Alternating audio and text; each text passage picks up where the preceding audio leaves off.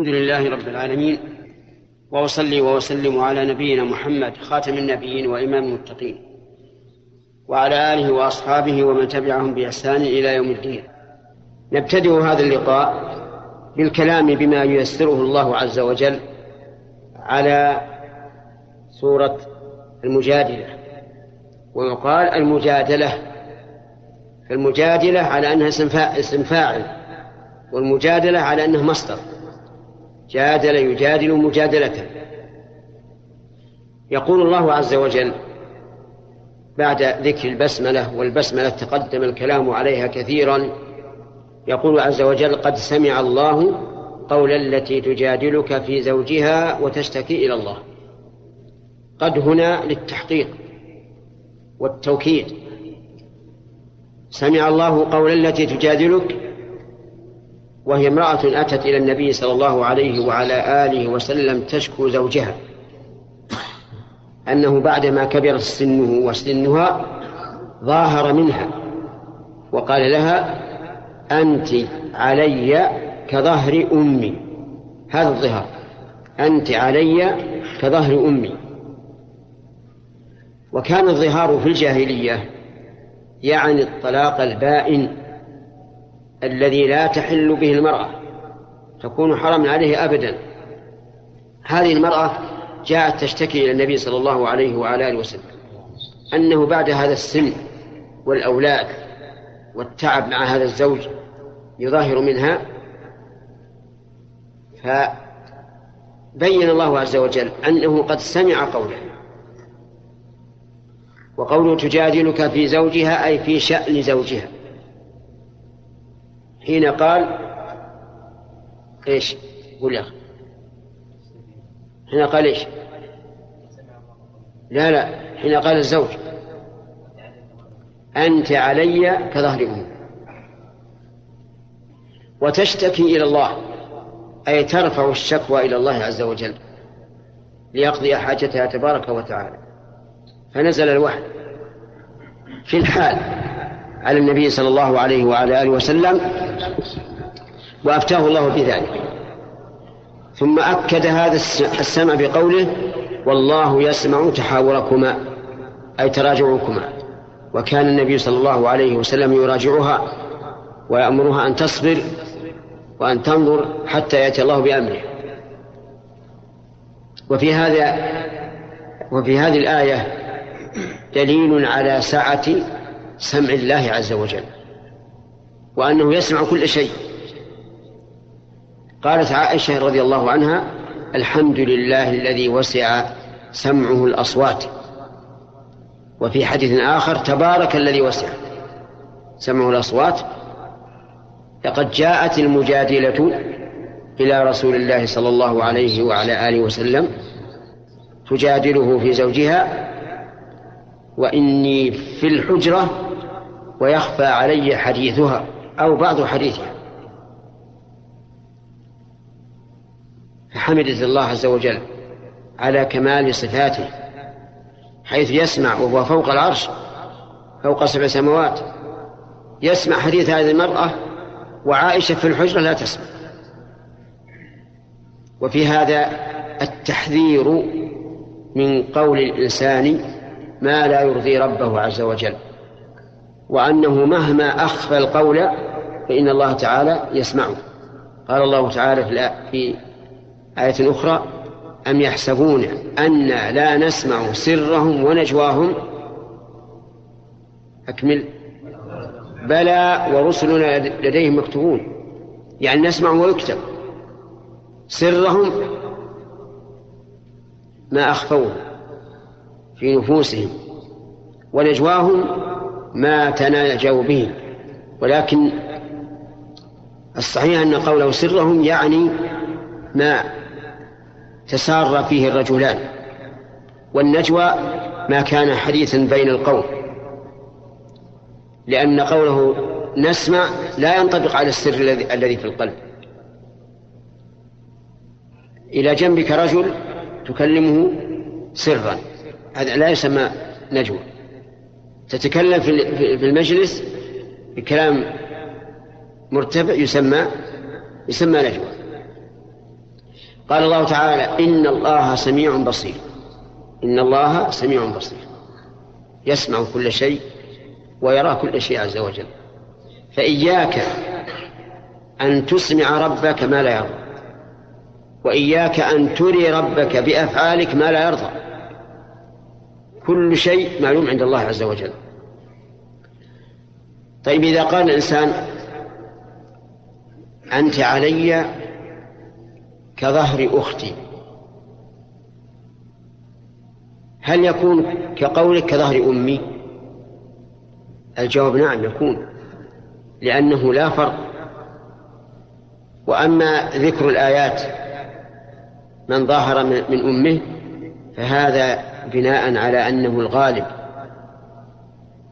أن الإنسان يظاهر بأمه طيب لو قال أنت علي كظهر عمتي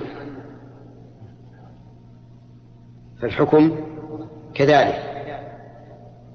والضابط في هذا أن يشبه زوجته بمن تحرم عليه تحريما مؤبدا أفهمت؟ طيب الأم البنت الأخت العمة الخالة بنت الأخ بنت الأخت الحكم واحد الحكم واحد طيب لو شبهها بغير الظهر بقال أنت بأن قال أنت علي مثل رأس أمي أو مثل فرج أمي فهل الحكم واحد؟ الجواب نعم الحكم واحد هو كالظهر لكن ذكر الظهر بناء على بناء على ايش؟ على الغالب المعروف في ذلك الوقت ثم قال الله عز وجل الذين يظاهرون من نسائهم ما هن امهاتهم إن أمهاتهم إلا اللائي ولدنهم بين الله عز وجل كذب هؤلاء فقال الذين يظاهرون من نسائهم الخبر ما هن أمهاتهم يعني ليس أم... لسن أمهاتهم من الأم التي ولدتك إن أمهاتهم إلا اللائي ولدنا فكيف يجعل هذه المرأة المحللة له التي يجوز أن يجامعها بأمه التي لا يمكن أن تحل له بأي حال من الأحوال هل هذا حق وصدق أو لا الجواب لا ولهذا قال وإنهم ليقولون منكرا من القول وزورا منكرا من القول لأنه حرام وزورا لأنه كذب فليست أمة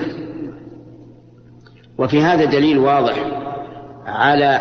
تحريم الظهار وأنه من المنكرات ومن الزور ولا يحل للإنسان أن يظاهر من امرأته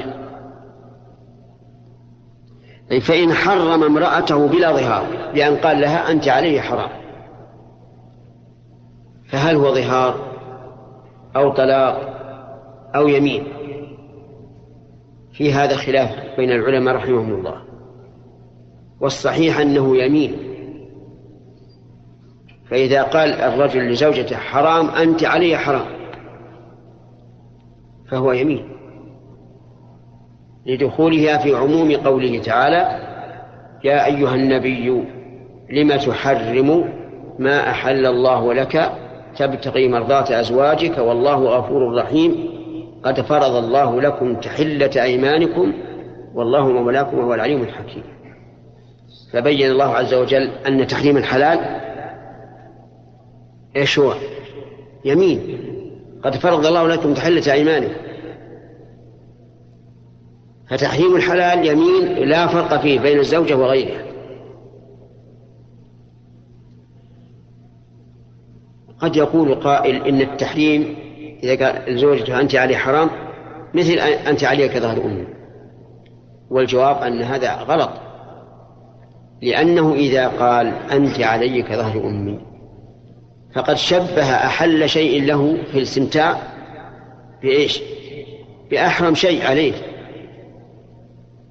ثم إن فيه استخفاف بالشريعة أن يشبه هذا بهذا ثم إنه قد يكون فيه أيضا استهانة بالأم أن تكون أن يجعلها الزوجة مثلها فعلى كل حال الفرق بين العبارتين واضح والحكم الشرعي بينهما في الفرق بينهما واضح فقد جعل الله الظهار له حكم وجعل الله التحريم له حكم آخر فهذا القول هو الراجح أن تحريم الزوجة إيش كتحريم غيرها يمين فهو كما لو قال حرام علي أن ألبس هذا الثوب ثم لبسه نقول عليك كفارة يمين قال لزوجتي أنت علي حرام ثم جامعها نقول عليك كفارة يمين ولا فرق ثم قال عز وجل وإن الله لعفو غفور عفو عن التقصير في الواجبات غفور عن فعل المحرمات وما أوسع عفو الله عز وجل ولو يؤاخذ الله ولو يؤاخذ الله الناس مما كسبوا ما ترك على ظهرها من دابة ثم بين الله حكم الضارب الحكم الذي يسميه أصول الأصوليون الحكم الوضعي بمعنى ماذا نعمل إذا حصل الظهار فقال عز وجل والذين يظاهرون من نسائهم ثم يعودون لما قالوا فتحرير رقبة من قبل أن يتماسك ذلكم توعظون به والله بما تعملون خبير فمن لم يجد فصيام شهرين متتابعين من قبل أن يتماسى فمن لم يستطع فإطعام ستين مسكينا الآن كم خصلة ذكر الله عز وجل ثلاث تحرير الرقبة صيام شهرين متتابعين إطعام ستين مسكينا هذه كفارة الظهار إذا عاد الإنسان لما قال ومعنى عوده لما قال أن يعود إلى امرأته التي جعلها كظهر أمه كظهر أمه بأن يعزم على أن يجامعها فنقول قبل أن تجامع كفر أولا تحرير الرقبة معنى التحرير يعني تخليصها من الرق بأن يكون عند الإنسان عبد مملوك فيعتق أو يشتري من السوق ويعتق فإن لم يجد يجد إيش إن لم يجد ثمن الرقبة أو لم توجد الرقبة أو لم توجد كما في عصرنا الآن لا يوجد فيما نعلم رقيق فصيام شهرين أي فعليه صيام شهرين متتابعين لا يفطر بينهما إلا لعذر شرعي الشهران هل هما ستون يوما أو هما هلالان الجواب الثاني هلالان فلو قدر أن الشهر الأول ناقص والثاني ناقص ستكون على الأيام ثمانية وخمسين يوما لا حرج لأن الله لم يقل ستين يوما قال شهرين متتابعين وقوله متتابعين يعني يجب أن لا يفطر بينهما إلا لعذر كالسفر والمرض فإن لم يتابع إن لم يتابع بأن أفطر يوما أفطر يوما في أثناء الشهرين بدون عذر فعليه أن يستأنف لأن الله اشترط أن يكون الشهران متتابعين فلا بد أن يستأنف من قبل أن يتماس أي من قبل أن يجامع أحدهم الآخر فيبقى صابرا عن امرأته مدة شهرين هذا إن شرع في الصوم مباشرة أما إذا تأخر ربما يتأخر مثلا شهر ثم يصوم يبقى عن أهله ثلاثة أشهر ذلكم توعظون به يعني تزجرون به عن هذا القول المحرم المنكر فمن لم يستطع أن يصوم شهرين متتابعين إما لمرض وإما لشدة شبق يعني شهوة للجماع وما أشبه ذلك فإطعام ستين مسكينا أي فعليه أن يطعم ستين مسكينا وهل يطعم ستين مسكينا قبل أن يجامع أو له أن يجامع قبل أن يطعم اسمع الآية في الرقبة قال من قبل أن يتماس وفي الصيام قال من قبل أن يتماس وفي الإطعام لم يذكر الله هذا الشر من قبل أن يتماس فظاهر الآية الكريمة أنه يجوز أن يرجع إلى زوجته ويجامعها قبل قبل أن يطلق ولكن أهل العلم يقولون إن الإطعام كغيره لا يرجع إلى زوجته حتى يطعم وقالوا إذا كان الله تعالى أوجب أن تكون كفارة قبل الجماع في العتق وهذا قد يتأخر ربما يبقى الإنسان يبحث عن رقبة شهرا أو شهرين أو أكثر في الصيام وهو شهران يبقى لا يجامع زوجته حتى يصوم فما بالك بالإطعام الإطعام يمكن أن يطعم في خلال نصف ساعة أليس كذلك؟ يقولون فإذا كان العتق والصيام يجب أن يتقدم الرجوع فالإطعام من باب أولى ولكن كيف يطعم ستين مسكينا إطعامهم على وجهين الوجه الأول أن يصنع غداء وعشاء أو عشاء ويدعو ستين مسكينا فإن لم يتسع المكان للستين دعا عشرة اليوم وعشرة آخرين من الغد وعشرة آخرين من الغد حتى يكمل ستين مسكينا هذا واضح غدا أو عشاء فإن لم يعمل غداء أو عشاء فليطعم عن كل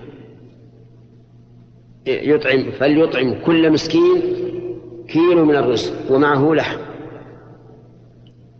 يعني ياخذ مثلا اكياس من النايلون يجعل فيها كيلو من الرز ومعه لحم لحم قليل يكفيه بس ويوزعها على الستين مسكين وبذلك تتم الكفارة طيب إذا كان الإنسان لا يستطيع ولا ولا الإطعام ماذا يصنع؟ نقول لا تقرب زوجتك حتى تقدر على الإطعام أو على الصيام أو على الرقبة قوله اتقوا الله ما استطعتم وعلى هذا فيأتي أهله ولا حرج عليه فمن لم يستطع فإطعام ستين مسكينا اللي بعدها نعم ذلك لتؤمنوا بالله ورسوله أي أوجبنا ذلك ليتحقق لكم الإيمان فإنه كلما كان الإنسان ممتثلا لأمر الله مع المشقة ازداد إيمانه ورغبته فيما عند الله لتؤمنوا بالله ورسوله يعني محمدا صلى الله عليه وسلم وللكافرين عذاب أليم ختم الآيات بهذه الجملة مخيف كأنه يقول استعدوا للعذاب الأليم إن لم تؤمنوا بالله ورسوله فتؤدوا ما وجب الله عليكم من من الكفار وإلى هنا ينتهي الكلام على ما سمعتم من كتاب الله عز وجل ونسأل الله أن يرزقنا وإياكم العلم النافع والعمل الصالح